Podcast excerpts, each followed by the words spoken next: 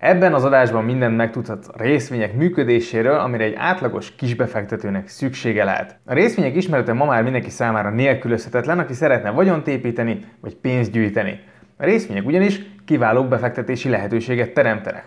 Ugyanakkor a bölcs döntésekhez ismerni kell a részvények különböző típusait, fajtáit, valamint kockázatait, és az elvárható hozamokat is. Ha érdekel, hogyan tudsz akár 89 másodperc alatt tulajdonrészt szerezni a kedvenc cégedben, akkor nézd meg az ehhez az adáshoz tartozó cikkben elhelyezett videót. Elsőként most nézzük meg az elméleti alapokat, amelyeket illik ismerni, de nem annyira fontosak befektetői vagy gyakorlati szempontból, utána pedig nézzük meg a hétköznapi és gyakorlati információkat, amik viszont fontosak lehetnek a döntésedben. Kezdjük az elején. Mik is azok a részvények? A hivatalos definíció szerint a részvények tulajdonjogot megtestesítő lejárat nélküli értékpapírok. De mit is jelent ez? A részvények egy cégben vagy vállalatban szerzett tulajdonjogot jelentenek. Ha veszel egy részvényt, akkor te az adott vállalat tulajdonosává válsz. Ezzel szert teszel a részvényel járó jogokra, mint például a vállalat nyerességéből, osztalékából való részesedésre. Részvényeket csak részvénytársasági formában működő cégek bocsáthatnak ki. Egy részvénytársaság lehet nyitott vagy zárt, attól függően, hogy csak az alapítókiratban meghatározott szűk vagy bárki vásárolhat-e részvényt. Nézzünk egy példát a részvények kibocsátására. Tegyük fel, hogy hárman elhatározzák, hogy indítanak egy vállalkozást. Van, aki többet, van, aki kevesebbet tud beleadni az induláshoz szükséges tőkébe. Így hát a vállalatban szerzett részesedést olyan arányban osztják meg, amilyen arányban a tőkét a cég rendelkezésére bocsátották. Ha a kezdőtőke mondjuk 100 millió forint, és azt 50-30-20 arányban rakták össze a tulajdonosok, akkor a részvények aránya is 50%, 30%, 20% lesz. Ekkor a cég még zárt részvénytársaságként működik, vagyis nyilvánosan nem lehet vásárolni a részvényeiből. Később a tulajdonosok viszont a növekedést látva dönthetnek úgy, hogy megnyitják a lehetőséget külső befektetők előtt, és eladnak a tulajdonrészükből. Ekkor a társaság nyílt részvénytársasággá alakul, és újabb részvényeket bocsájt ki, melyekkel ezt követően a piacon, vagyis a tőzsdén szabadon lehet kereskedni. A részvények árát ekkor már a piac határozza meg. Attól függ, hogy az emberek mennyiért hajlandóak venni és eladni az adott vállalat részvényeit. Nézzük, milyen fontosabb jogai vannak a részvényeseknek. A részvényeseket, mint a vállalat tulajdonosait különböző jogok illetik meg. Ezeket a jogokat két csoportra hozhatjuk. Vannak vagyoni jogok és a tagsági jogok. A vagyoni jogok például a következők. Osztalékra való jog. A vállalat nyerességéből opcionálisan ugye fizethet osztalékot a vállalat, melyre a részvényesek a részvényeik névértékének arányában jogosultak alapesetben részesülni. Van a likviditációs hányadhoz való jog, ez azt jelenti, hogy ha a cég megszűnik, ugye akkor értékesítik a cégben bennmaradt eszközöket, például ingatlanokat, a gyártósort, és utána ebből megmaradt az összegyűlt pénzből kifizetik a, hiteles, a hitelezőket, akik pénzt adtak a vállalatnak, és az így megmaradt összeg pedig szétosztásra kerül a részvényesek között. Illetve van az átruházáshoz való jog, ami azt jelenti, hogy a részvényes a részvényét eladhatja, átruházhatja. A másik csoport az üzletvezetéshez kapcsolódó tagsági jogok. Ezek a például a közgyűlésen való részvétel, ugye a részvényesek részt vehetnek a közgyűlésen és szavazhatnak is akár. Ott van az ellenőrzési jog, felvilágosítást kérhet a részvényes a cég működésével kapcsolatban, a felvilágosítást pedig meg kell adni a részére, kivéve, hogyha az mondjuk üzleti titkokat sért. Ott van az észrevételezési, megtámadási jog, a részvényes észrevételt fűzhet a közgyűlés által érintett témákhoz. A közgyűlés határozatával szemben felléphet, amennyiben az törvényt vagy alapszabályt sért. Az más kérdés, hogy figyelembe veszik-e az ő észrevételeit például a közgyűlésen, hogyha mondjuk nagyon kicsi százalékban tulajdonol valaki egy vállalatot. A végső pedig az utolsó, amit szeretném megemlíteni, az a részvénykönyvbe való bejegyzés joga. Az új tulajdonos azonnal bekerül a vállalat regiszterébe, a részvénykönyvbe, míg a korábbi tulajdonos pedig kikerül onnan. Természetesen a legtöbb kisbefektető alig ha él ezekkel a jogokkal. A nyílt részvénytársaságok negyed évente részletes jelentéseket tesznek közzé, így az érdeklődők általában ezeket a jelentéseket olvassák inkább. A nagy multinacionális vállalatok részvényszámához viszonyítva a kisbefektetőknek rendkívül kis részesedésük van, és kérdéses egyáltalán, hogy képesek-e élni az irányításhoz kapcsolódó jogokkal minden esetben. A kisbefektetők számára a legfontosabb az osztalékra való jog. Ezzel a kisbefektetőknek nincs teendőjük. A banknál vagy brokercégnél vezetett értékpapírszámlájukra, melyen a részvényt tárolják, automatikusan megkapják az osztalékokat. Nézzük a részvények típusait. A részvény lehet nyomdai úton előállított, vagy lehet dematerializált, azaz elektronikus. Manapság az utóbbi sokkal gyakoribb, a nyilvánosan működő részvénytársaságok részvényei kizárólag dematerializált, tehát elektronikus úton állíthatók elő. Ezen felül a részvényeket további 5 típusba sorolhatjuk. Vannak a törzs részvények. Ez a legáltalánosabb részvénytípus, gyakorlatilag a hagyományos részvényeket értjük alatta, melyekhez semmilyen speciális jog nem kapcsolódik. Ha részvényt vásárolsz, alig hanem ilyen részvényt fogsz venni. A második az elsőbségi részvények.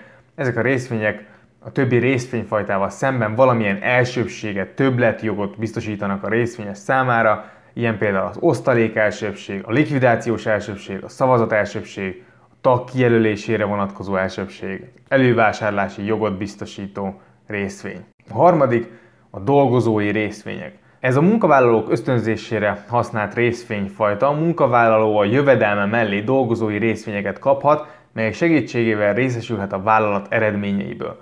Főként felsővezetőket szoktak így módon motiválni, az alkalmazottak a részvényt ingyenesen vagy nagyon kedvezményesen szerezhetik meg, átruházása korlátozott, ugyanis csak a cég dolgozói vagy a do- volt dolgozók szerezhetik meg, akik mondjuk a cégtől nyugdíjba vonultak. A negyedik a kamatozó részvények, a kamatozó részvények az osztalékon felül egy előre meghatározott kamatot is fizetnek a részvényesnek. Ez rendkívül ritka, ez a részvényfajta. Ötödik visszaváltható részvény. A visszaváltható részvény a részvénytársaságot vételi joggal és vagy a részvényest eladási joggal ruházza fel. Ezek voltak tehát az elméleti alapok a részvényekkel kapcsolatosan, most pedig lépjünk át a gyakorlatban feltett legfontosabb kérdésekre a részvények vásárlása és eladása kapcsán. A részvények igen kedvelt befektetési eszközök, hiszen a vállalatok a modern gazdaságok mozgatórugói és folyamatos termelésen, fejlesztésen, szolgáltatáson keresztül profitot termelnek a tulajdonosaiknak. A részvények segítségével a befektetők kétféleképpen érhetnek el hozamot. Az osztalékokon keresztül, amennyiben fizet a vállalat, valamint az árfolyam emelkedésen keresztül. Ha emelkedik a részvény piaci ára, akkor drágában adhatjuk el a részvényt, mint amennyiért megvettük, és ezzel hasznot érhetünk el. Ugyanakkor sok esetben a részvényeket vásárlók elfeledkeznek arról, hogy valójában egy vállalat áll a részvények mögött. Egy-egy vállalatnál akár több ezer alkalmazott is dolgozhat azon, hogy a vállalat nyereséget termeljen. Mégis a mai ilyen felgyorsult kereskedési világban, ahol egy szempillantás alatt adhatunk és vehetünk több ezer részvényt, sokan már csak az árgrafikonokat figyelik és nem törődnek a mögöttes cég értékével. De mitől is függ tehát a részvény ára? A részvényeket a részvénytársaság alapításakor vagy tőkeemeléskor bocsátja ki a vállalat.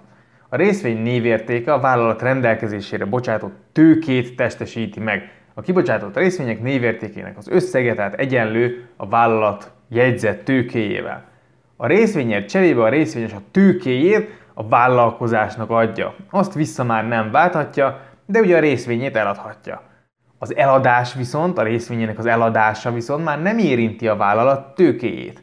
Elszakadt tehát egymástól a részvény piaci ára és a vállalatnak adott vagyon mértéke.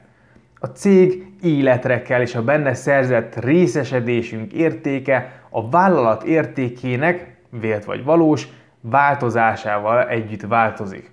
Ha a cég jól teljesít, akkor a cég részvényeinek ára felmegy. Ha rosszul, akkor meg leesik. A részvények árfolyama percről percre, vagy másodpercről másodpercre változik. Egy cég értékét ugyanis nem lehet pontosan megmondani. Számos elemző igyekszik becslést adni arra vonatkozóan, hogy mennyit érhet egy adott vállalat, és így mennyit ér annak a részvénye. Az összes kibocsátott részvény darabszáma, szorozva a részvény árával, az megadja a cég teljes elméleti értékét. Az árat ekkor már nem a cég szabja meg, hanem a piac. Az emberek, akik adják, veszik a részvényeket. Az ár attól függ, hogy az emberek átlagosan mit gondolnak, mennyit ér a vállalat most. Vannak, akik szerint kevesebbet, mint a jelenlegi ár, vannak, akik szerint meg többet. A vevők Természetesen szeretnék minél olcsóbban megvenni, az eladók pedig szeretnék minél drágábban eladni a részvényeket. A piaci ár mindig a kettő találkozásánál alakul ki, ahol van, aki megvegye, és van, aki eladja. Ez a kereslet kínálat törvénye. Minden vevőre jut tehát egy eladó is. Adott pillanatban, adott ár mellett, tehát éppen ugyanannyi részvényt akarnak venni, mint eladni. Ebből már is látszik, hogy mennyire nincs egyértelmű válasz arra, hogy merre fog menni az árfolyam. A piac fele szerint érdemes eladni, a fele szerint pedig érdemes venni. A részvények árfolyama éppen ezért rövid távon teljesen kiszámíthatatlan és rendkívül ingadozó. Főként a rövidtávú kilátásoktól, a piacot alkotó emberek érzelmeitől, a friss hírektől, jelentésektől függ. Itt a cikkben mutatok egy ábrát, az IBM részvényének árfolyamát, ami úgy néz ki gyakorlatilag, mint egy fűrésznek a foga, így egyszer föl egyszer leingadozik, rendkívül erősen. Természetesen rengeteg cég van, így keresettem volna akár olyan grafikont is, amely meredeken felfelé ment, és olyat is, amelyik lefelé. De ez a példa jól mutatja, hogy miként változik az ár. Egy-két év alatt akár a befektetett pénz jelentős részét is elveszíthetjük.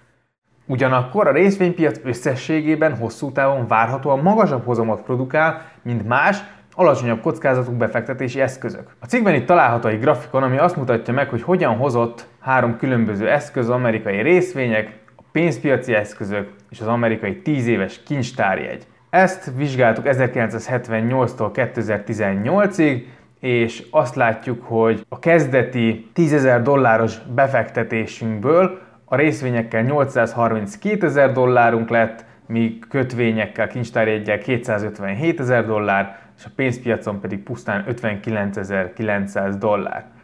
Tehát a pénzpiac az 4,5%-os dollárhozamot ért el ez idő alatt, az amerikai részvénypiac pedig éves 11,5%-os hozamot ért el. Míg rövid távon, tehát igen nehéz eltalálni a részvények árának mozgását, addig hosszabb távon a cégek növekedéséből fakadóan a részvények összességében magasabb hozamokkal honorálják a befektetők türelmét. Itt fontos különbséget tenni a befektetés és a spekuláció között. A befektető a részvényt azért vásárolja, hogy részesedést szerezzen egy vállalatban, mely nyereséget termel hosszú távon. A spekuláns rövid távon gondolkodik, és az árfolyam mozgásokból igyekszik profitálni. A kettő különbségéről korábban már részletesen írtam egy cikket, javaslom, hogy ezt keresd meg és olvasd el, ami arról szól, hogy hogyan kell befektetni és mi is a befektetés. Nézzük meg a részvények elemzését. Természetesen, ha bárki meg tudná mondani, hogy milyen irányba mozdul el egy részvény ára, akkor az óriási pénzeket tudna szakítani. Éppen ezért rengetegen keresik a részvénypiac titkát. Alapvetően két elemzési eljárással vagy megközelítéssel próbálkoznak. Az első a technikai elemzés. A technikai elemzés főként a rövidtávú kereskedés kedvelt eszköze. Az elemzés során a kereskedők a múltbéli árfolyam adatokból próbálnak meg következtetést levonni. Különböző alakzatokat, mintákat keresnek a részvények grafikonjaiban, és ezek alapján próbálnak a jövőre vonatkozóan előrejelzést adni. Tudományosan igen vitatott az eljárás megbízhatósága, sok közgazdás szerint pusztán egy áltudományról van szó. A broker cégek, akik érdeke, hogy az ügyfeleik kereskedjenek, gyakran használják ezeket az elemzéseket az ügyfeleik kiugrasztására a pozíciójukból, így generálva jutalékat a cégnek. A második fundamentális elemzés. A másik módszer, ha a cég alapjait, fundamentumait próbáljuk meg megérteni. Vagyis megvizsgáljuk a működését, a pénzügyi helyzetét, a piacot, amint tevékenykedik, és ebből próbálunk meg előrejelzést adni a jövőbeni lehetőségeire. Ha a cég növekszik, akkor alig hanem a részvények ára is követni fogja. Elemzők megvizsgálják a piac növekedését, a cég piaci részesedését, a márka erejét, stb. A probléma az, hogy minél előrébb tekintünk a jövőben, annál pontatlanabb lehet csak a becslés. Már egy-két éves távon is igen nehéz előre jelezni, öt éves távon túl pedig már szinte lehetetlen. A számos, bonyolult és egymásra visszaható változó miatt a modellek nem adnak megbízható előrejelzéseket. Két azonos tehetségű és tudású elemző ugyanazt a céget homlok egyenes másként értékelheti. Minél több elemző véleményét vesszük figyelembe, annál pontosabb képet kaphatunk. Ahogy azonban egyre több és több ember véleményét vesszük figyelembe, egyre inkább közelíteni fogunk a jelenlegi piaci árhoz, ami végtére is a teljes piac véleménye az adott vállalatról. A piac meglehetősen jól árazza a részvényeket általában. Van, amikor a rövidtávú spekuláció, a befektetők érzelme tévútra viszi a tömeget, és idéglenesen az ár elszakadhat a valós értéktől.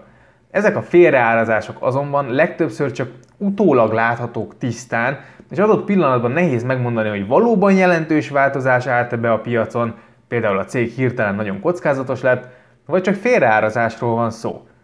A cégek valós értékének becslésével a vállalat értékelés tudománya foglalkozik, Bár vannak, akik azt állítják, hogy képesek hatékonyan kiválasztani az alulértékelt részvényeket, ez sok esetben mégsem sikerül.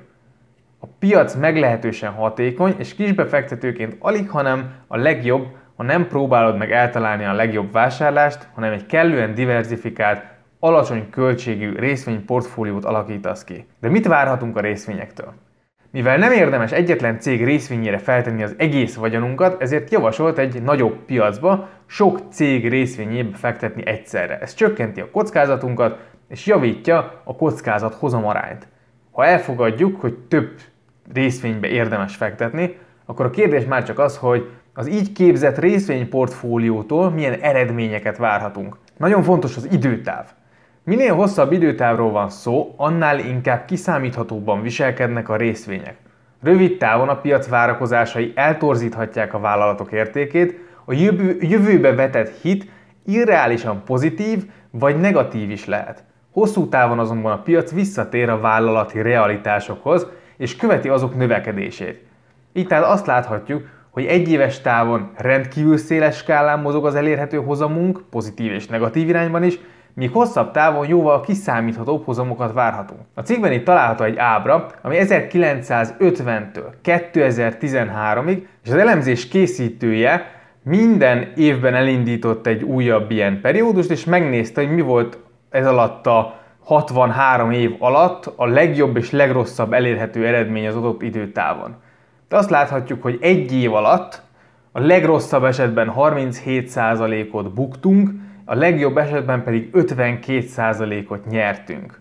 5 éves távon viszont már csak legrosszabb esetben is 2,5%-ot veszítettünk, le legjobb esetben 28%-ot nyertünk. Természetesen itt éves hozamokról van szó.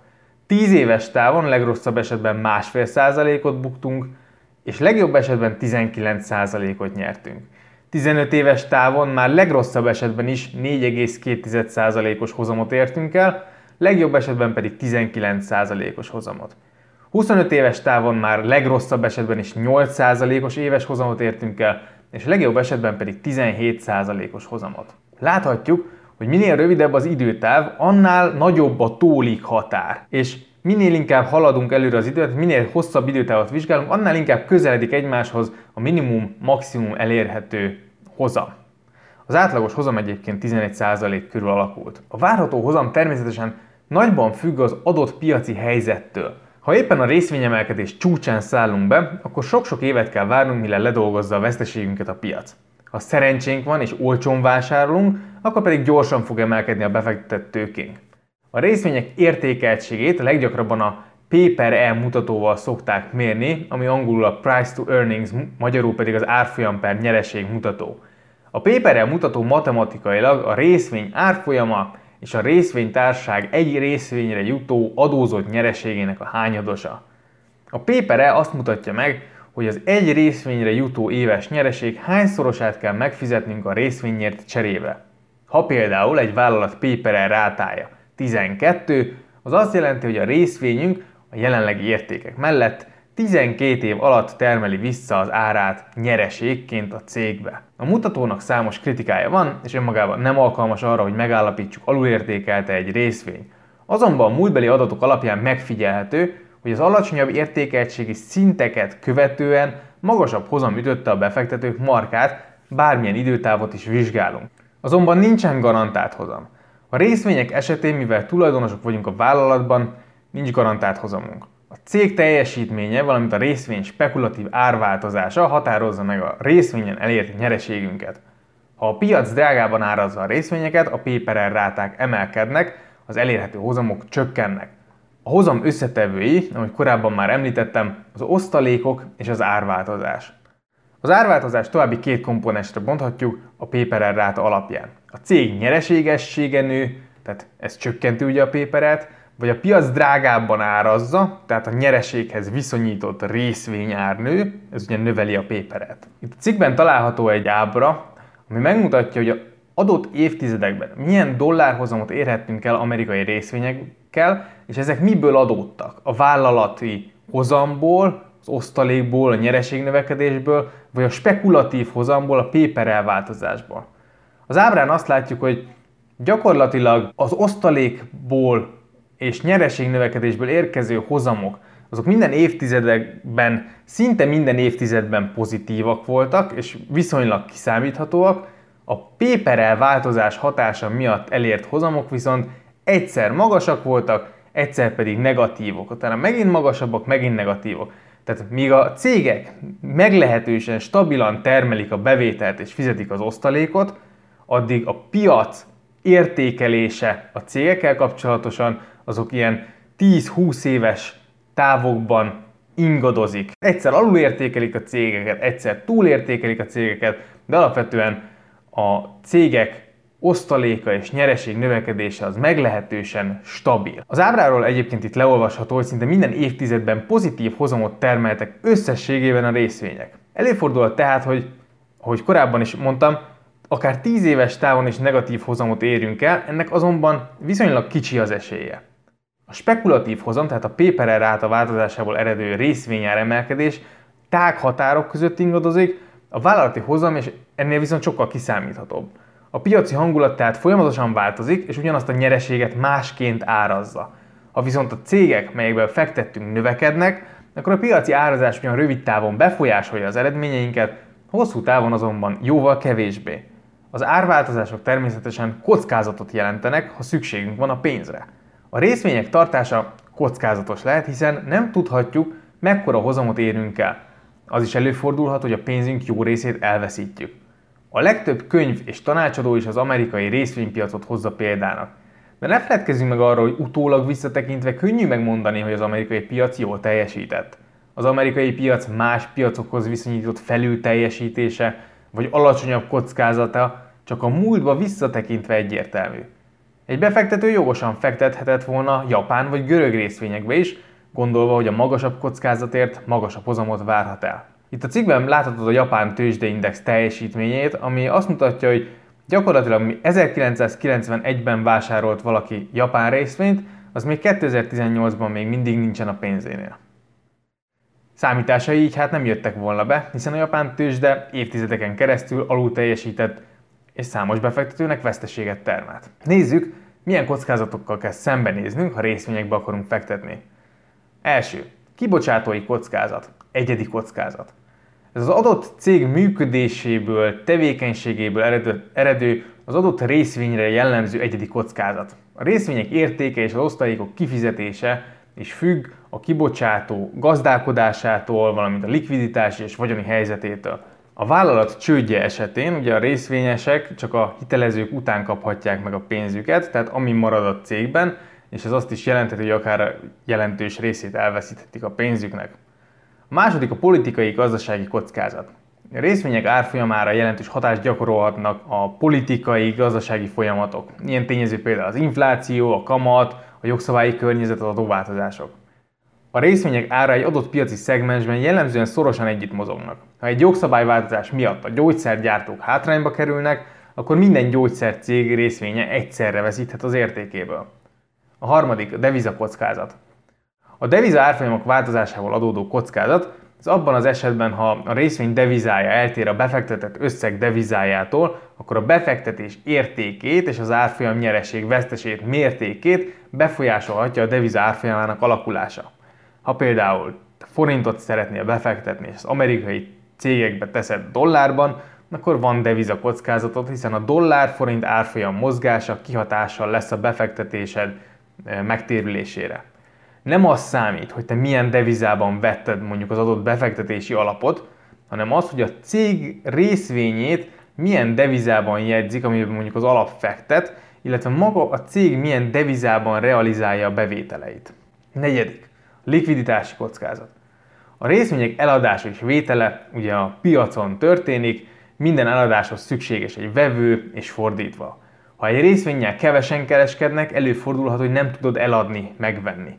Ez főleg az alacsony forgalommal rendelkező, alacsony likviditású részvények, vagy a nagy forgalmú részvények esetében, főként mondjuk kedvezőtlen piaci események bekövetkezésekor jelenthet problémát. A nagy amerikai cégek részvényeinél valószínűleg ilyen problémában nem fogsz ütközni, de mondjuk egy kis magyar részvény esetében ebben könnyen bele lehet futni. Az ötödik a tőkeveszteség kockázata. A részvények ára ingadozik, így a részvények árának csökkenése következtében a befektetett tőke jelentős értékvesztés szenvedhet el. A részvény kibocsátott cég csődje esetén akár a teljes befektetett összeg is elveszhet. A hatodik a partner kockázat. A részvényt valahol meg kell vennünk és tárolnunk kell. Az értékpapírok tárolására igen komoly jogszabályi előírásoknak kell megfelelniük az ilyen szolgáltatást nyújtó bankoknak, brokercégeknek, Ugyanakkor fordultak már elő visszaélések. Bűncselekmény esetén az értékpapírjainkat ellophatják. Ilyenkor a befektető védelmi alap feladata a kárpótlás. Ugyanakkor az fontos megjegyezni, hogy a szolgáltató csődje, tehát a broker cég csődje, az nem befolyásolja a részvényeink meglétét, hiszen az nem a szolgáltató cég tulajdonosa, így pusztán a szolgáltató csődjétől nem kell tartanunk. De hogyan mérhetjük a kockázatokat? A befektetések kockázatát jellemzően az adott befektetés hozamának szórásával, valamint maximális visszaesésével szokták mérni. A szórás az átlagtól vett eltérések négyzetes átlaga. Megmutatja, hogy az elért hozamok átlagosan mennyivel térnek el a várható átlagos hozamtól. Magyarul a hozamok ingadozását mutatja meg.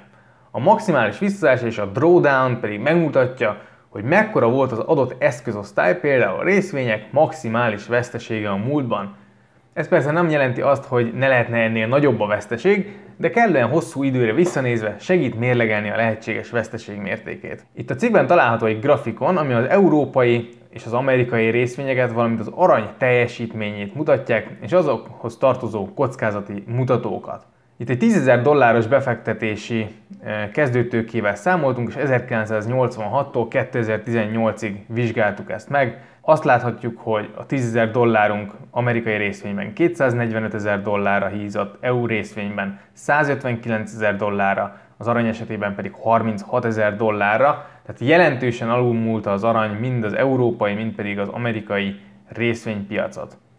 Ennek ellenére a szórások azok meglehetősen hasonló számokat mutatnak, az amerikai részvény szórása 14,95%, az európai részvény az 17,48%, az arany pedig 15,39%.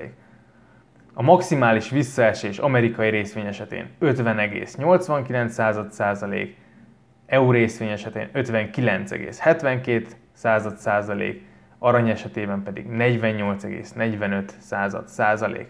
Láthatjuk, hogy a hosszú idő alatt fennálló hozamkülönbség az majdnem duplájára növelte az amerikai részvényekből felvehető vagyon összegét az európaihoz képest, és az arany a részvényekkel nagyjából hasonló kockázatot mutat, a hozama viszont jelentősen elmaradt a részvények hozamától.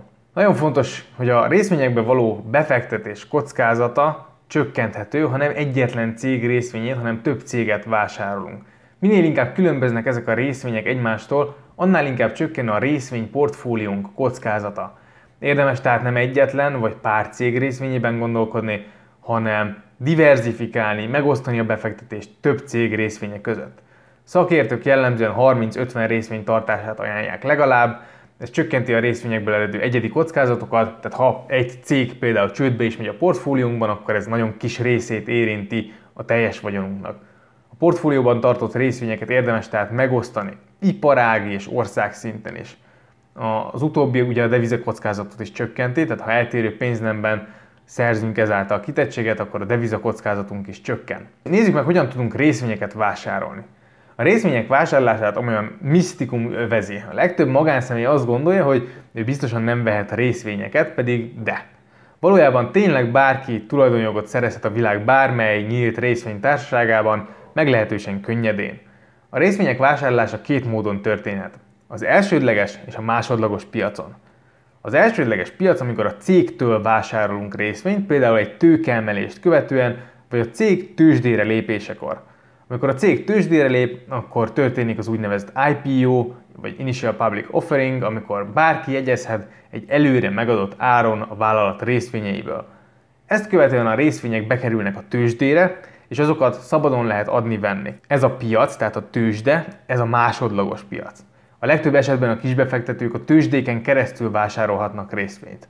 A folyamat pedig korán sem bonyolult, a legtöbb bankfiókban és broker cégnél már rendkívül alacsony költség mellett, tehát havi pár száz forint mellett is nyithatunk egy értékpapírszámlát. Ezek a számlák úgy működnek, mint egy bankszámla, azzal a különbséggel, hogy az online felületükön, vagy igény esetén akár bankfiókban is lehetőségünk van részvényeket vásárolni rájuk. pontosan úgy, mint egy webshopban. Erről is van egy cikk a blogomon, hogyha érdekel, hogyan kell értékpapírszámlát nyitni, illetve melyik a legjobb értékpapírszámla. Egyrészt tehát bármilyen cég részvényét megvásárolhatod direktben egy sima értékpapírszámlán keresztül. Ahogy azonban az előbb említettem, ez igen kockázatos, és ha csak nem akarsz 30-50 részvényből álló portfóliót kialakítani és menedzselni, és nem magad akarsz dönteni a megfelelő vállalatok kiválasztásáról, akkor jobban teszed, ha azonnal egy portfólióban gondolkodsz. Lehetőséged van ugyanis, akár már pár ezer forinttal is befektetési alapokon keresztül részvényeket venni. A befektetési alapok sok kis befektető pénzét gyűjtik össze, és azt egyben kezelik és fektetik be. A befektetési alapot szakértő kezeli, így biztos lehetsz benne, hogy megfelelő részvényportfóliót alakít majd ki. Ilyen részvénybefektetési alap például a Concord részvényalap vagy az OTP Trend. Van a www.bamos.hu, egy befektetési alap nyilvántartó oldal és kereső. Itt ezen az oldalon számos más részvényalapot is találsz. Besétálva egy OTP fiókba vagy a Concord irodájába, egy számlanyítást követően már is befektethetsz ezekbe az alapokba, és részesülhetsz hozamokból, vagy természetesen a veszteségekből. Amire figyelned kell, hogy lehetőleg kerüld a magas költségű alapokat. Számos tanulmány azt mutatja, hogy az alacsonyabb költségű részvényalapok jobban teljesítenek. Itt a cikkben találsz egy táblázatot, ami megmutatja, hogy igazából négy csoportra osztották a különböző részvényalapokat, és megnézték, hogy attól függően, hogy milyen magas a költségszintje, mekkora hozamot ért el a kockázatára vetítve, és egyértelműen az derül ki, hogy az alacsony költségű alapok magasabb hozamot tudtak elérni. Ezért jöttek létre az úgynevezett passzív befektetési alapok, vagy ETF-ek, melyek rendkívül alacsony költség mellett adnak lehetőséget diversifikált portfólió létrehozására. A részvények hozamából ezenfelül különböző bonyolult pénzügyi termékek segítségével is tudsz profit, profitot realizálni. Ilyen termékek a CFD-k, az opciók például, ezeket azonban már csak mélyebb hozzáértés mellett érdemes használni, ha valaki tudja, hogy mit csinál, nem mellesleg ezek használata nem feltétlenül jelent többlethozamot, így a legtöbb befektetőnek nincs szüksége ezen termékek mély ismeretére. Nézzünk néhány részvénybefektetési stratégiát. Különböző befektetők különböző stratégiákkal próbálnak meg hozamot elérni a részvénypiacon. A megfelelő stratégia kiválasztása kulcsfontosságú lehet a részvénybefektetés sikeressége érdekében. Ezek a stratégiák gyakran eltérnek egymástól a részvény kiválasztás módszertanában, a vállalt kockázatban és a választott időtávban is. Vizsgáljuk meg a leggyakrabban alkalmazott befektetési stratégiákat röviden. Első, kereskedés részvényekkel, más szóval tőzsdézés. A részvénykereskedés lényege, hogy a kereskedő eltalálja a részvény árának mozgását, és ezáltal profitot akar realizálni. A hétköznapi nyelven nevezzük ezt ugye tőzsdézésnek, a részvényárak mozgását azonban rövid távon eltalálni az, az rendkívül nehéz, és gyakran még a tapasztalt kereskedők sem képesek konzisztensen megmondani, hogy mi várható a jövőben. Ez a stratégia jellemzően rövid távra fókuszál, igen kockázatos, és hosszú távon megkérdőjelezhető az általa elérhető eredmény. A második az értékalapú befektetés. Ennél a befektetési stratégiánál a befektető a vállalatot vizsgálja és értékeli. A vállalat kilátásai és múltbéli teljesítménye alapján próbál meg következtetést levonni arra vonatkozóan, hogy milyen eredményeket fog produkálni a vállalat. Az intelligens befektető nem elégszik meg pusztán egy jó minőségű vállalattal, hanem igyekszik azt áron alul megvenni, akkor, amikor a piac valamilyen, mondjuk jellemzően rövid távú indok miatt, azt éppen, éppen alul értékeli. Ez a stratégiához szükséges a befektető megfelelő ismerete a vállalatértékelés területén. Ismernie kell és figyelemmel kell kísérnie a vállalat működését, az iparágat, amiben tevékenykedik, Éppen ezért ez a stratégia sok időt igényel a befektető részéről, és alapos utána járásra van szükség. Ezt a stratégiát jellemzi egyébként a hosszú távú gondolkodás és a mérsékelt, megfontolt kockázatvállalás. Harmadik, az osztalék alapú befektetés. Ez a befektetési stratégia sokban hasonlít az érték alapú befektetéshez. Itt is szintén a vállalat működésén és eredményein van a fókusz, és nem pedig a részvények árfolyamán.